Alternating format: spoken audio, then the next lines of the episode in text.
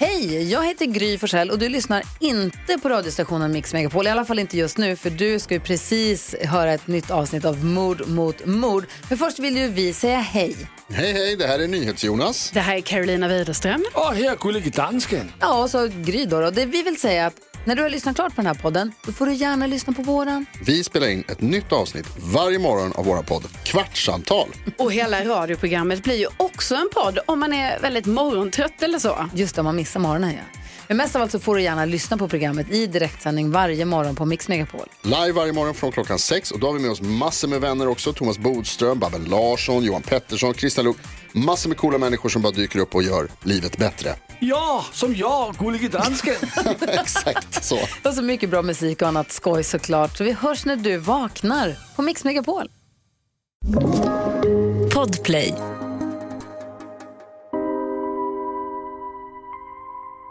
Men hovet har då under tiden betalat ut stora summor pengar till Kurt. Det här är då för att han troligtvis utpressade dem med hot om att berätta då om sin relation med kungen. Mindre fint var det då när folk i hushållet började insjukna i vad som skulle visa sig vara tyfoidfeber. Visst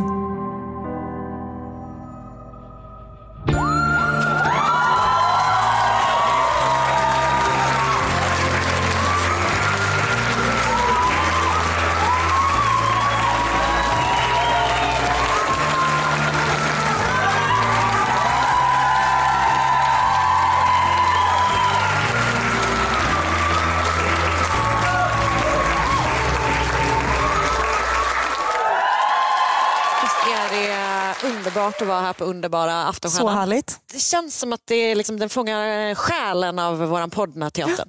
Jag Eller med. att det känns lite spooky. att det är så Karl-Einar Häckners doft som spökar i hörnan. Lite så. Nej, men det är väldigt mysigt och väldigt mysigt att vara här i fina Göteborg. Anna, Anna, Jag sa det helt vanligt. Alltså du får göra det till mig. Jag sa det helt till vanligt. Annan. Du sa det inte helt vanligt. Okej, underbart att vara jag här i som har gett dig dispens Okej. för mig. Ja, okej. Jag har ju liksom bara varit på Aftonstjärnan kanske en gång innan, då var jag med min mamma. Min mamma är här ikväll också så nu har ni också alla varit på Aftonstjärnan med min mamma. Så mycket gemensamt.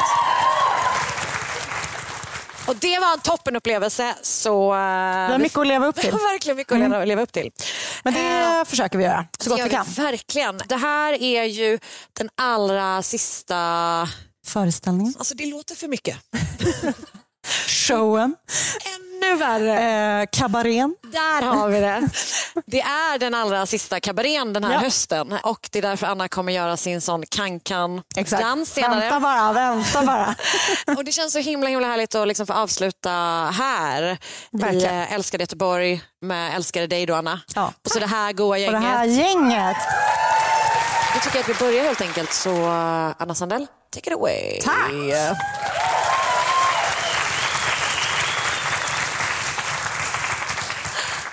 Ett lokalt fall då. Så vi börjar helt enkelt på Södermalm i Stockholm. Jag skojar. Nej, men vi... Ja. Nej, men så här är det. Jag vill inte att ni ska bli, bli liksom besvikna. Vi kommer pendla lite mellan Göteborg och Stockholm. Ni kommer fatta varför. Alltså, Ja. It makes sense. It makes sense. Men 1897 i alla fall föddes en eh, kille vid namn Kurt Johansson i Stockholm. Då. Eh, hans, pappa, Okej. eh, hans pappa Alfred var egenföretagare och drev en fisk och skaldjursaffär i Gamla stan. Och, eh, det måste ha varit en väldigt bra och tjusig affär för att han var hovleverantör. Han levererade, levererade alltså fisk och skaldjur till slottet i Stockholm. Uff. Eh, som ung vuxen sökte han sig hemifrån, eh, Kurt då, och tog jobb på olika fartyg typ, där han hade lite olika sysslor. Det beskrivs som att han bland annat var uppassare och springpojke. Ehm, utöver det så verkar det också som att han har sysselsatt sig både som skådespelare och trollkarl. Men han var nog inte så framgångsrik för det var liksom en Han tog sig aldrig till Aftonstjärnan. Nej, precis. Ehm, eh, och en sak som verkar varit så här, en liten röd tråd eh, var att han var alltså, ohedlig Ah. person. Just det. i vad han än. Tråkig röd tråd att ha i sin personlighet. Men han då både stal och förfalskade saker som då skulle gynna honom.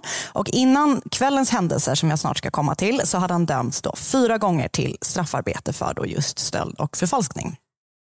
1923 då, som kommer vara litet huvudrollsår, så bodde Kurt här i Göteborg. Han bodde på ett logementfartyg. Mm. Logement. Som låg här i hamnen och där arbetade han då eh, egentligen inte på fartyget utan på hamnkontoret med lite så olika eh, pappersarbete. Och även då om han eh, fifflade och fufflade och misskötte sig så, så verkar han ändå ha skött sitt arbete där i hamnen. Och Han hade då en egen hytt för att han var liksom skötsam och sådär. Men trots det då att han verkade ha en alldeles lysande karriär här i hamnen eh, så var han... Var, jobbade han i hamnen eller hur var det? Du vill verkligen hamra in den här Göteborgsvinkeln nu. man, gör, man gör vad man kan. eh, nej, men han var på väg härifrån ändå. Liksom han hade siktet inställt på att flytta tillbaka till Stockholm och byta bana för han ville in i restaurangbranschen och kanske bli hovmästare på någon av de tjusiga krogarna i Stockholm. En dag då kommer han över en postavi och det är ett paket som ska hämtas ut och det är inte adresserat till Kurt utan det är adresserat till en man som heter Hamilton i efternamn. Men det struntar Kurt i för att han tänker ett tjusigt namn på postavin kanske lovar då något tjusigt i paketet. Han går då eh, till posten, förfalskar den här Hamiltons signa- signatur och hämtar ut paketet. I paketet ligger antingen en kostym eller en frack som då den här Hamilton antagligen liksom har sytt upp till sig själv.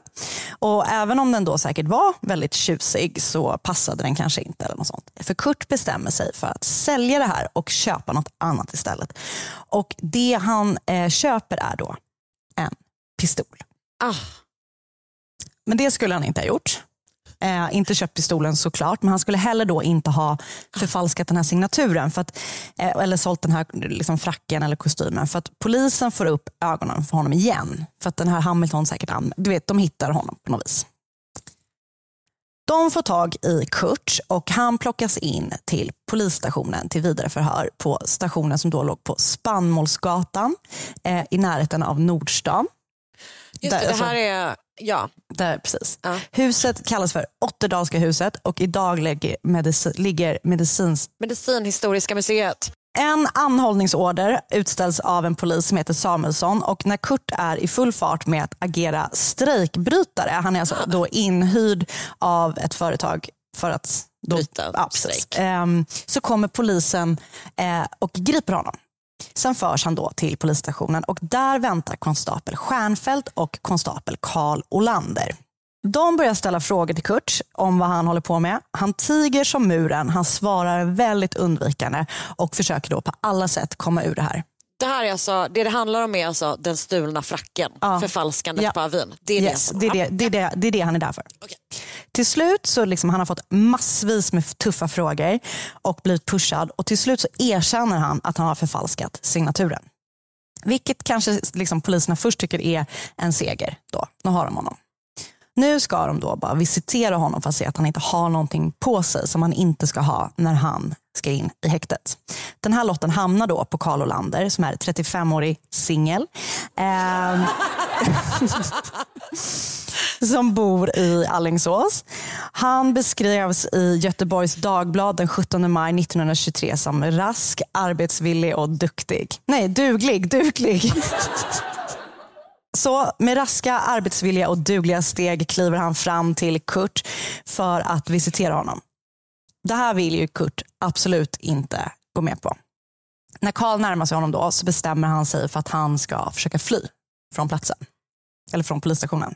Så han försöker rymma helt enkelt. Men det tänker då inte Karl låta honom göra. Han vill inte att han ska komma undan. Så han rusar efter. Det Karl Olander då inte vet, det ingen vet på polisstationen är ju att Kurt precis har då köpt en pistol för den här, Just det. det han har stulit. Och att han har med sig pistolen in på polisstationen. Så han sätter efter Kurt och det verkar bli någon slags handgemäng. Eh, och Kurt drar då fram sin pistol och det blir någon slags kamp mellan de två männen. Och eh, det här då påkallar uppmärksamhet från flera poliser som är i liksom, angränsande rum och plötsligt går då flera skott av. Ett av skotten träffar eh, konstapel Karl Olander och det träffar honom i pannan och han förs direkt till sjukhuset för att tas hand om. Men tyvärr så klarar han sig då inte utan han avlider på sjukhuset efter en kort tids vård. Så Kurt har då helt plötsligt gått från att vara en som typ stjäl och förfalskar saker till att vara en som har dödat en annan man. En polis. En polis på, dessutom. inne på en polisstation. Yes. Kurt menar då att han inte har skjutit Karl med uppsåt utan att han har dragit fram pistolen för att han har planerat att skjuta sig själv för att avsluta sitt liv då för att han har åkt fast. Han ställs inför rätta för mordet på Karl Olander men han fortsätter då att hävda att han har planerat att skjuta sig själv och inte Karl. Och Det var ju andra polismän där när skottet gick av men ingen har liksom tittat åt det här hållet när det precis när, alltså när det här sker. Så att ingen kan med säkerhet säga att han inte siktade på sig själv. Liksom. Så Kurt frias då från mordanklagelsen, eh, först i Göteborgs rådhusrätt och sen också av Göta hovrätt. Men han döms till ett och ett halvt års straffarbete för vållande till annans död. Så då har han alltså dödat en polis eh, i polishuset men frias då, eller han döms ju då för Men inte för mord. men inte för mord. Nej. Och man vet ju inte med säkerhet att det var mord, men ja, man vet inte helt enkelt. Och här skulle ju historien om Kurt kunna vara slut. Men det är den inte. Utan efter att Kurt då har avtjänat sitt straff för Karl Olanders död så flyttar han först till Frankrike där han är med i Främlingslegionen en kort stund innan han sticker från Frankrike och flyttar till USA. Och där bor han också liksom en ganska kort period och jag vet inte vad han gör där. Men 1931 så flyttar han till Stockholm. Och där gifter han sig med en kvinna eh, som är enka och lite äldre än honom själv och hon heter då Anna. Men nu går han då inte längre under namnet Kurt Johansson utan nu har han tagit sig det lite tjusigare namnet som vi kanske alla känner honom som, nämligen Kurt Haijby. Ett poddtips från Podplay. I fallen jag aldrig glömmer djupdyker Hasse Aro i arbetet bakom några av Sveriges mest uppseendeväckande brottsutredningar.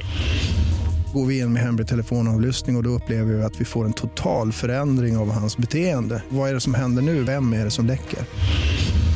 Och så säger han att jag är kriminell, jag har varit kriminell i hela mitt liv men att mörda ett barn, där går min gräns. Nya säsongen av Fallen jag aldrig glömmer på Podplay. Anna och Kurt de tar över en restaurang Lido som låg på Kungsgatan i Stockholm. De mm, hade liksom stora planer på att bli framgångsrika krögare. Anna hade tidigare drivit ett café på Lidingö.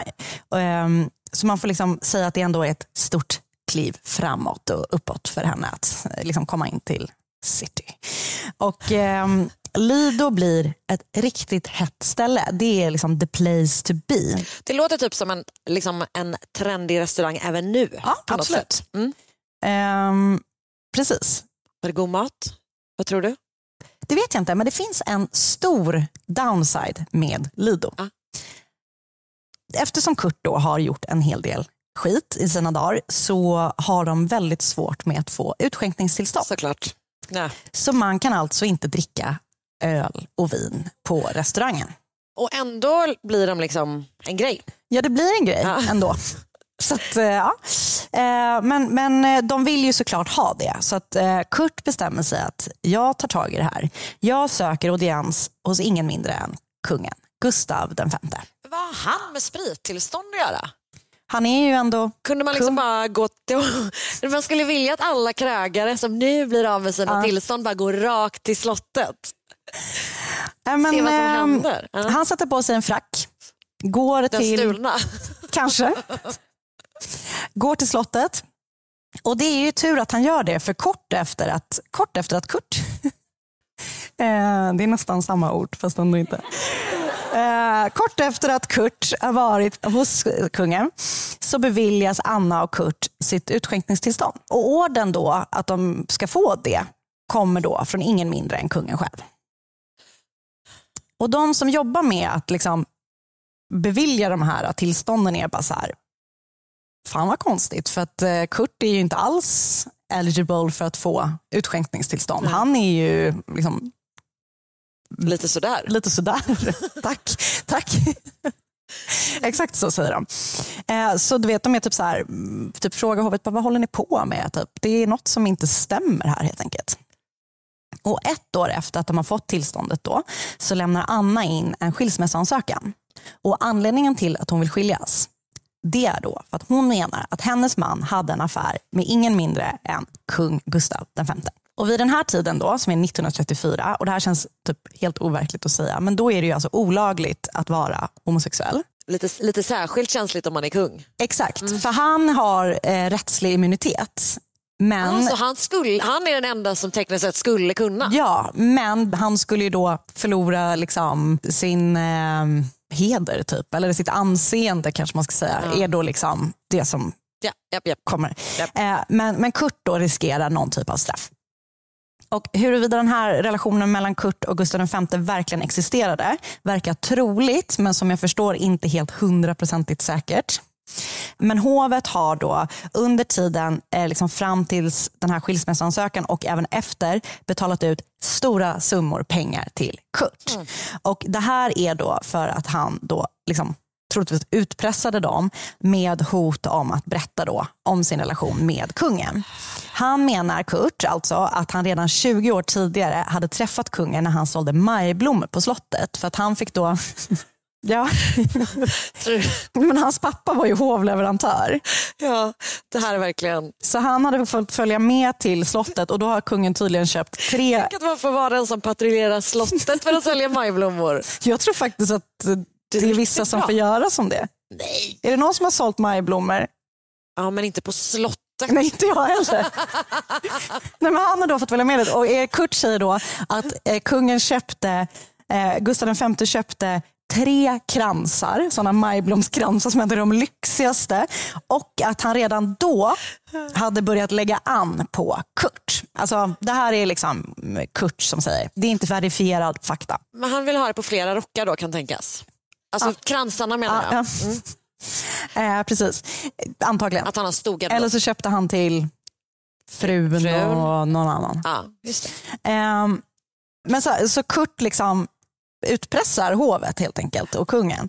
Och eh, summan som då eh, Kurt ska ha fått eh, var upp mot 8 miljoner i dagens eh, penningvärde. Men han lever liksom ett stor, storstilat liv helt enkelt. Han har så här, en villa i Södra Ängby som är ett jättefint område utanför Stockholm. Han har ett landställe i Nacka. Alltså han har massa saker som liksom han får via hovet.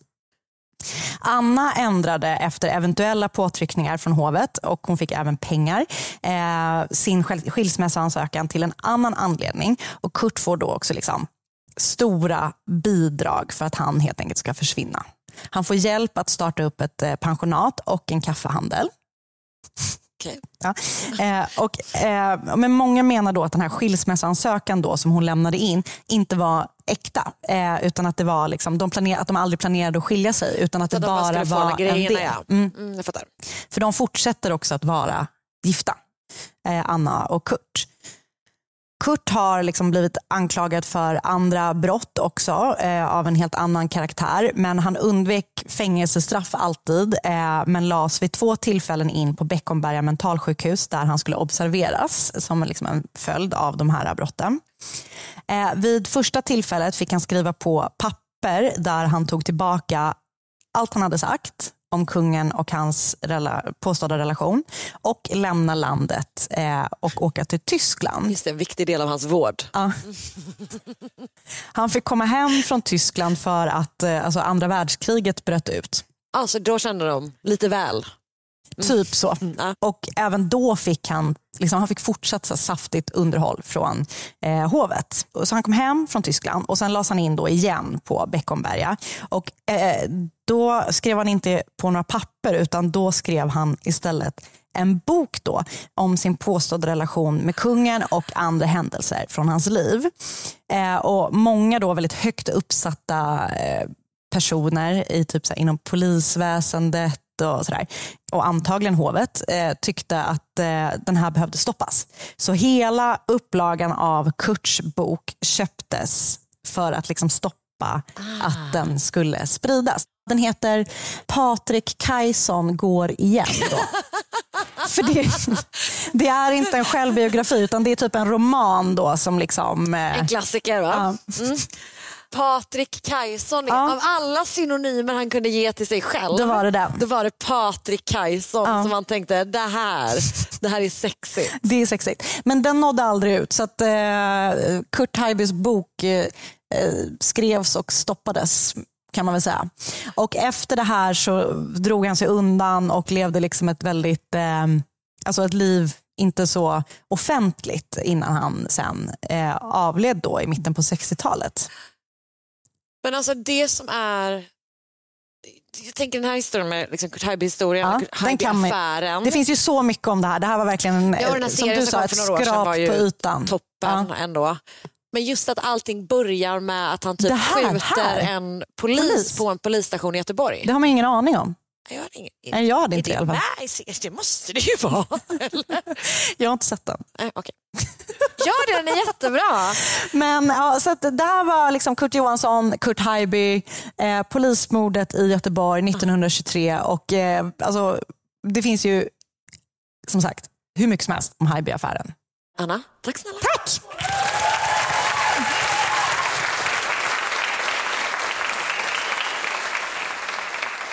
Vi är ju i ett läge när det är väldigt, väldigt nära att gå på jullov. Mm. Så det kommer ju inte bli bra det här. Det kan vi ju säga. Jo, jag är så... Är du taggad på att börja? Jag är supertaggad. Låt oss alla applådera igång Karin. Hela den här svängen så har jag varit så här. Fan vad nice det är att, man inte, att jag typ inte har blivit nervös. Det har bara varit kul. Nu är jag så här liksom kräksredo, vilket i och för sig passar. Det här. Ja, jag fattar. Jag fattar, jag fattar. Okej. Ja, handlar lite om kräks faktiskt. Men det är fint för jag hintar bara om det. Jag säger Okej, aldrig rakt ut. Jag sa det nu Från och istället. med nu. Eh, Okej, Ja. häng med mig på en resa. Eh, vi ska ut i världen. Mm. 1906 väljer den rika New York-bankern Charles Elliot Warren och hans familj att tillbringa sommaren i Oyster Bay. Man hör ju, det låter ju fint. Var ligger det? Eh, det är Long Island. Ah, det låter inte lika fint, men det är, man hör ju att det är fint. Och det är också fint. Eh, det här var liksom en playground för eh, rikingar. Bland annat så hade eh, Teddy Roosevelt sitt hus där. Även familjen Warren hade det fint i sitt hyrda hus. De var fyra familjemedlemmar. De hade med sig en staff om sju personer. Okej. Mindre fint var det då när folk i hushållet i slutet av augusti började insjukna i vad som skulle visa sig vara tyfoidfeber. Det är då en salmonellabakterie. Nu förstår du. Man kräks. Ja. ja, men man gör lite olika grejer. Ja. Man hatar sjukdomar där man gör olika grejer. alltså, det är bättre att bara vara utslagen på något vis. Ja. Ja, ja, men det händer nog ett och annat. Ja. Ja, men man, får, man får hög feber, Ja. det får man. Man får hosta, eh, vad jag då kallat problem med magen, vilket din pappa brukar kalla ris i kistan. ja, absolut. Ett uttryck som du inte ändå... Eh, shy away from. Ja, verkligen. Du har verkligen ärvt det med stolthet. Värk i kroppen och så vidare. Mm. Det kan också leda till, alltså det kan bli mycket värre, man kan få inre blödningar, bukhinneinflammation, sepsis. Alltså det är dödligt. Liksom. Yes. Vid den här tiden i USA så var dödligheten typ 10 Det var väldigt vanligt med tyfoidfeber i New York. 1906 rapporterades nästan 3500 fall, 639 döda. Det var ju många fler då än 10% men det här var ju specifikt i New York. Så att jag tänker att Ja. Du kunde använda matten. Det var tydligt. Ja, jag kunde matten nu, när jag skrev det här däremot så reagerade jag inte på det överhuvudtaget. Men något skilde sig mot fallen då i Oyster Bay. För vanligtvis så drabbade sjukdomen arbetarklassen som bodde i Manhattans fattiga områden, inte direkt i överklassens semesterparadis. Sju av de elva personerna som var i huset The Warrens hade hyrt blev sjuka. Ingen av dem dog utan de återhämtade sig men de blev jätte, jättedåliga och åkte väl tillbaka till stan. Men de som ägde huset var oroliga. Tänk om ingen vill hyra vårt hus nästa sommar. Nej. De bestämde sig alltså för att undersöka saken och tog in ett gäng olika experter som typ testade vatten, toaletter, rör. Alltså de testade allting. De hittade ingenting. Så till slut var en man deras enda utväg. Sanitetsingenjören George Soper. Så bra namn. Precis, George Super. Eh, han, hade vid, ja, okej. han hade vid flera tillfällen tidigare utrett tyfoidutbrott och blivit lite av en så Ghostbuster-person. Men Who you gonna call? George Super! Alltså det är verkligen, verkligen det som är läget. Som han själv eh, verkar ha beskrivit sig. En epidemic fighter. Yes. Han hade också en väldigt eh, lugn och avslappnad självbild kan man säga. Ehm, Vintern 1906 eh, till 1907 så reser han till Oyster Bay och börjar utreda.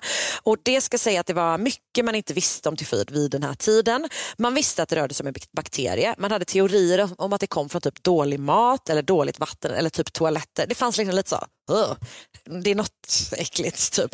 Det fanns någon teori om att så här, kan det vara typ att om man går på toaletten och stöttar man inte händerna så noga så kanske man kan... De skulle haft om covid, eh, how to wash your Så verkligen hands. bara, vilken var det man skulle sjunga? Så här, eh, Blinka lilla stjärna? Ja, den borde de verkligen sjungit här. Det var en av George Soper, det var han som Det var han revolutionerade upphovsmannen till den tvättningen. Men så han åker då till Oyster Bay och börjar undersöka. Han sammanställer datum, patientnamn, diagnoser, försöker se vad som hade kunnat smitta alla de sjuka, alltså som alla hade tillgång till. Men hittar ingenting. En period har han en teori om vad han själv kallar för an old Indian woman who lived on the beach. Hade sålt lite dåliga skaldjur till hushållet, men det visade sig vara en vanlig sladdrig ja. Rasism. Så han tänker att personen då nog, alltså det var nog någon som kom som tog med sig smittan in. Liksom. Någon som bar på smittan men kanske typ inte ens själv var sjuk, inte visste om det men tog med sig den in. Och det här Man kunde väldigt- vara bara... Det känns som man slänger sig med sådana termer som man inte gjorde innan pandemin. Smittbär, asymptomatisk smittbärare. Det är en helt ny idé vid den här tiden. Alltså man vet inte om att det finns, men Nej. man har liksom någon slags känsla av att det skulle kunna finnas. Okej. Mm. Men det är liksom brand new information. Och Snart har han då en tanke om vem som skulle kunna vara ansvarig. Det Mhm. visar sig att några veckor innan sjukdomsutbrottet kom så dök det upp en ny person i huset. Det var en kock. Den sämsta Ja. personen. Skulle det kunna vara kocken då? Och Bra teori. Kocken har ju lätt att sprida bakterier om man säger så. eh, Förutom att bakterierna dör vid upphettning. Mm. Så det var så här, är det verkligen så? Då får George Soper höra om vad den här kockens liksom paraddessert var. För det var det att hon då ofta lagade mm, färska persikor som frös in i glass. typ. Ah. Det tyckte alla, ah, du är ändå sugen. Eh, Sen addera liksom poop bacteria som strössel uppe på. Då var han så här, det skulle kunna vara just den. Ja. Liksom. Så vem är då kocken? Jo, hon hette Mary Mallon, föddes 1869 i Cookstown på Irland. Ingen superlätt eh, plats eller tid att födas. Redan alltså som 15-åring så emigrerar Mary ensam till USA där hon bosätter sig i New York och bor till en början hos olika släktingar. Man vet väldigt lite om hennes familjeliv. Enligt vissa källor så har hon typ några syskon i USA men inget är liksom riktigt bekräftat. Mary själv verkar inte vilja kännas vid det. Hon gifte sig aldrig. Enligt vissa källor har hon lite olika pojkvänner av och till. Det vi vet är att Mary Mallon är one strong woman. Så stark att man tidigt 1900-tal beskrev det som att hon hade en personlighet som en man. Jag orkar inte. Hon hade även en gångstil som en man. Okej. Mm. Hon är liksom stenhård, Ja. full av liv, full av styrka. Hon jobbar liksom sjukt medvetet så här, upp i hierarkin av liksom in, folk som jobbar i olika hem. typ. Så att så hon börjar som någon, jag tror att tvätterska är typ långt Mm. ner och sen till slut är hon då kock vilket är liksom den högsta, en av de högsta positionerna man kan ha. Och genom olika agenturer så flyttar hon runt mellan olika familjer som tillhör New York States absoluta överklass. Så att hon är liksom verkligen jättehög kock i jättefina Hon är hem. gräddan av gräddan. Exakt så. Och så har hon då tagit ett litet sommarjobb i Oyster Bay. När George Soper frågar familjen Warren om hur Mary var säger de att hon var en bra kock. Hon hade inte umgått så mycket med de andra personalen och ingen visste mycket om henne. Och så la man då till att she was not particularly clean. Vilket också, typ så här, vem fan var det då? Eller? De var väl säkert det som... Ja, eh, okej, fair enough. De fick väl ett bad i veckan eller? Ja, det skulle också bara kunna vara ytterligare lite god rasism. Det vet man ju faktiskt inte riktigt. Att de bara, eh, en fattigare person, säkert väldigt smutsig. Men Ja. det fanns ju då vissa saker som talade emot den grejen. Mary har slutat jobba för familjen ganska kort efter det här tyfoidutbrottet. Så han vet inte vad hon är, den här George Soper. Han går till agenturen hon anställs genom och får av dem reda på vad hon har jobbat tidigare. Han kan spåra åtta arbetsplatser. Eh, Det första ligger, som, ligger sex år tidigare, eh, 1900 och så hela vägen fram då till den här Oyster Bay-sommaren. De åtta arbetsplatserna har sju drabbats av tyfoidutbrott kort efter att Mary har börjat jobba där. Det verkar helt enkelt som att här, hon, ja, hon sprider den här sjukdomen, hon är typ inte jättenoga med att tvätta händerna. Det är liksom, Men alltså det måste vara något mer än att hon inte tvättar händerna. alltså, nej.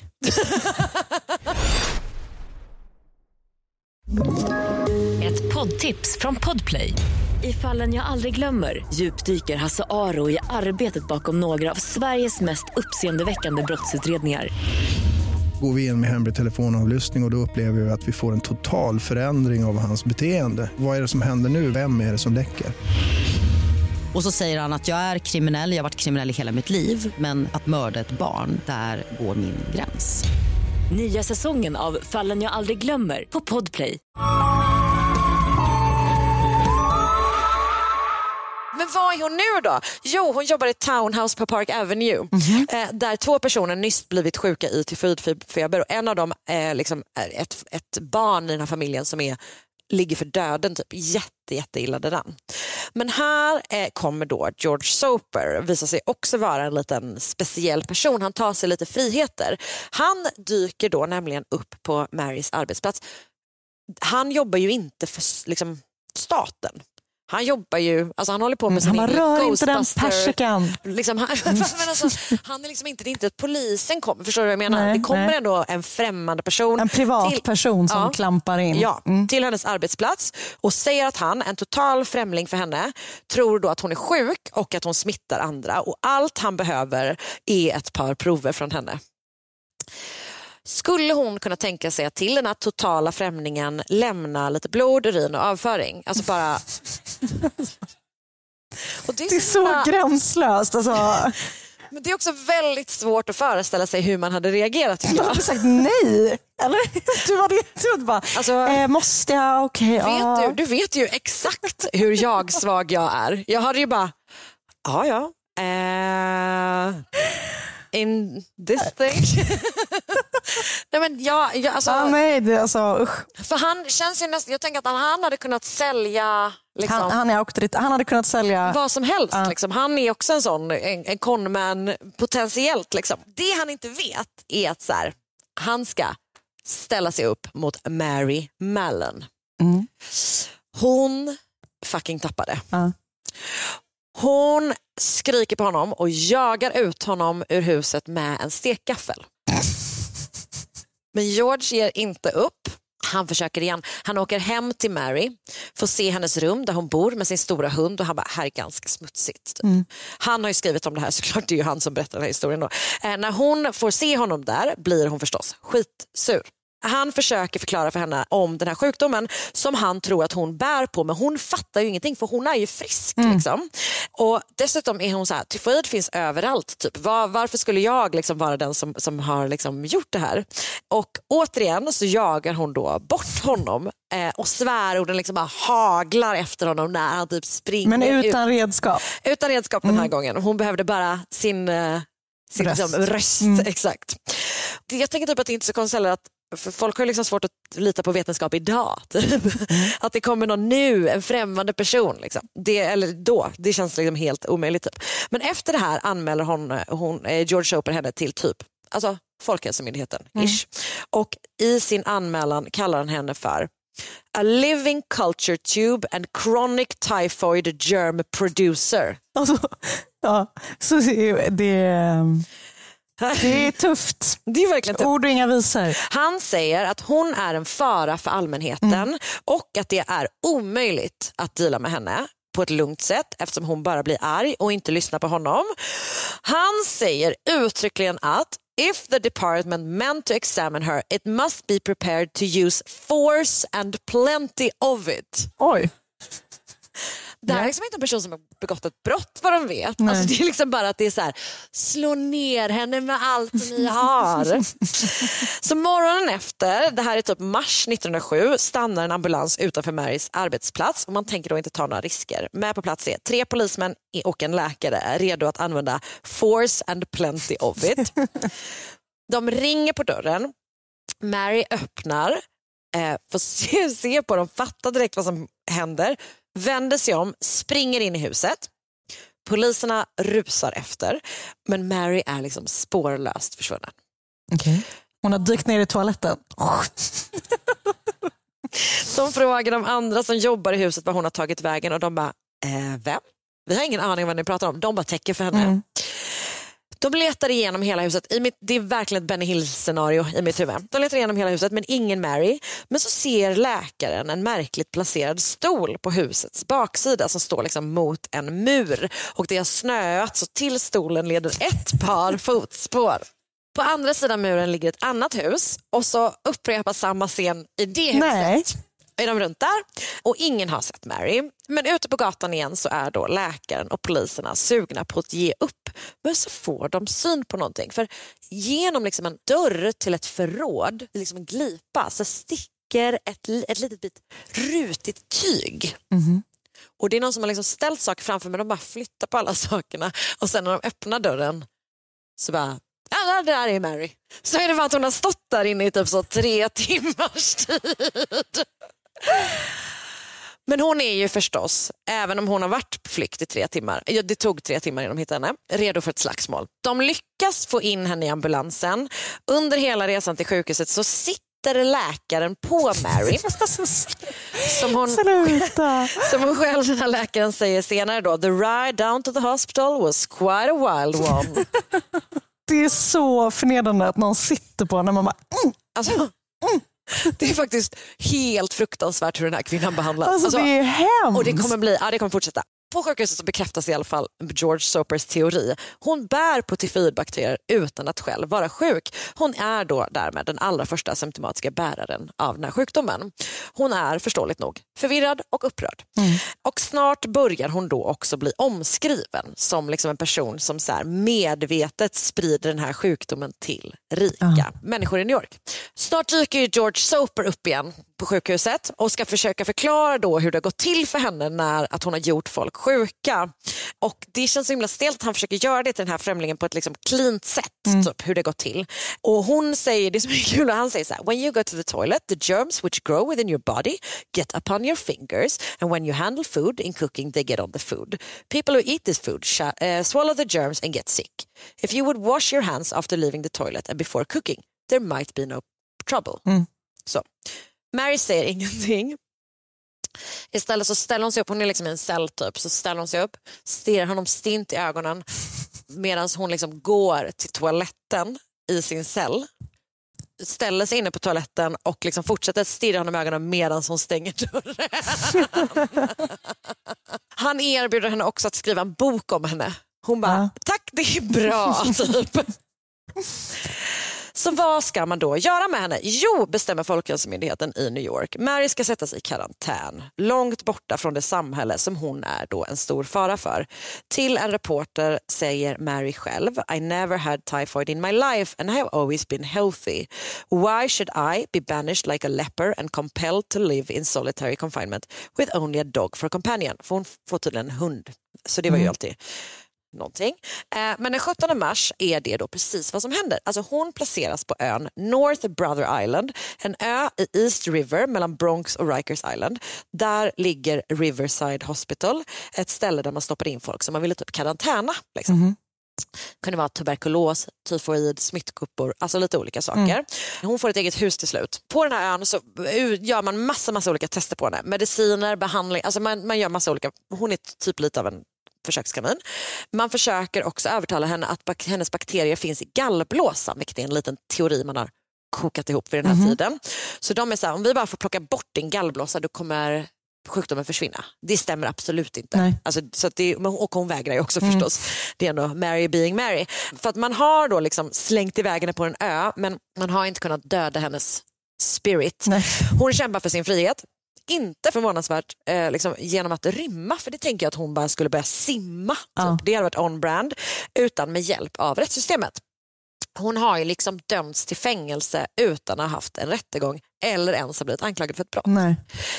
Och hon har då blivit rikskändis vid det här laget under smeknamnet Typhoid Mary.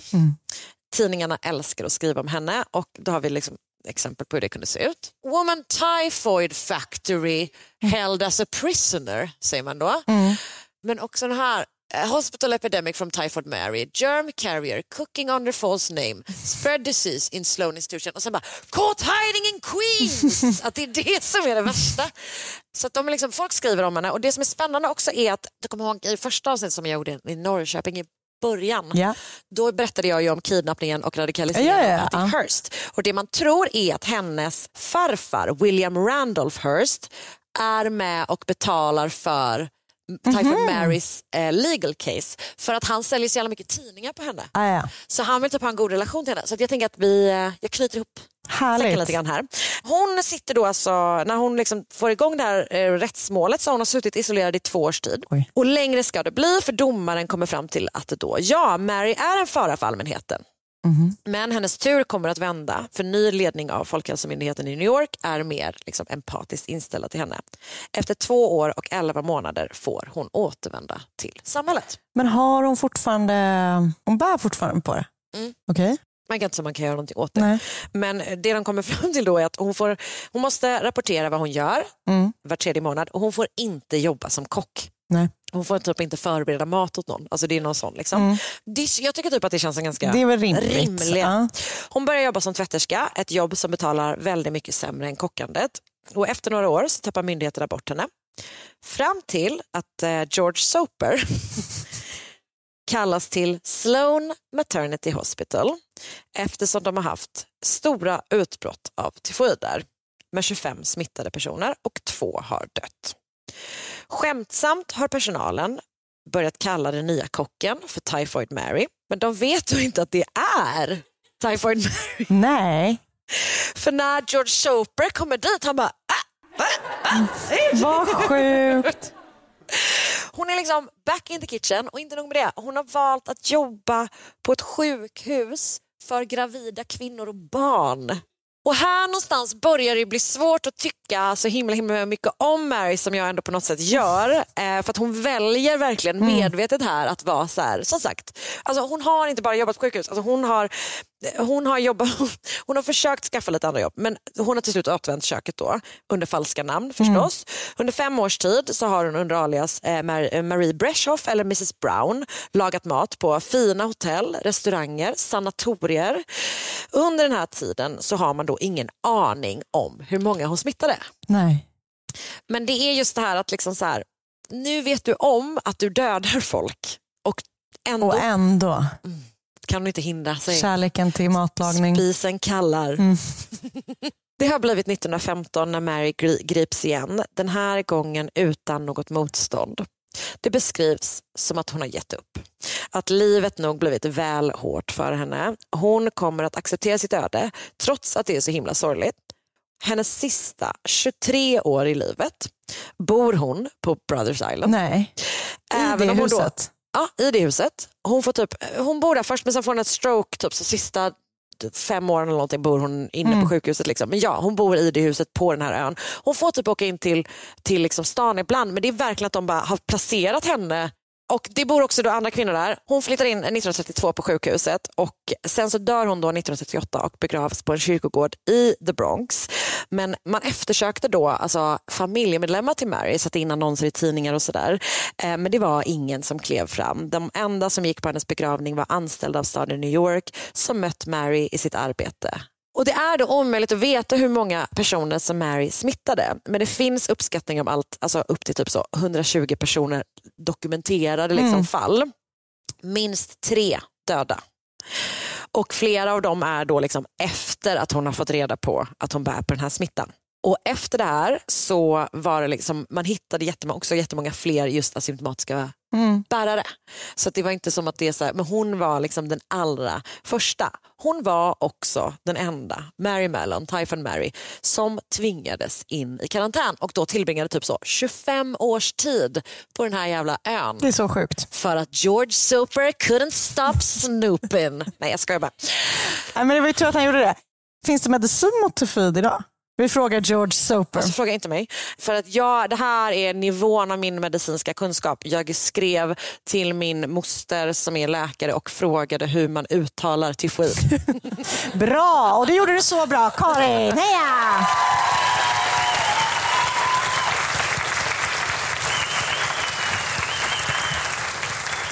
Men då är, då är det en ny sjukdom man kan vara lite rädd för. Anna, Anna, nej, nej, nej, nej, du behöver inte fler sjukdomar att vara rädd för. Nej, men väldigt spännande. Alltså så sjukt. Ja, alltså det är ju en sån eh, historia som på något sätt touchar true crime. Eller det är ju något slags brott, även om inte Men det är bara en sån... Ja, eh, spännande. vad speciellt att man Och- stoppar henne på en ö i 25 år. Och också, hur sugen är man på glass med frysta persikor? Ja och nej. Det var allt för ikväll.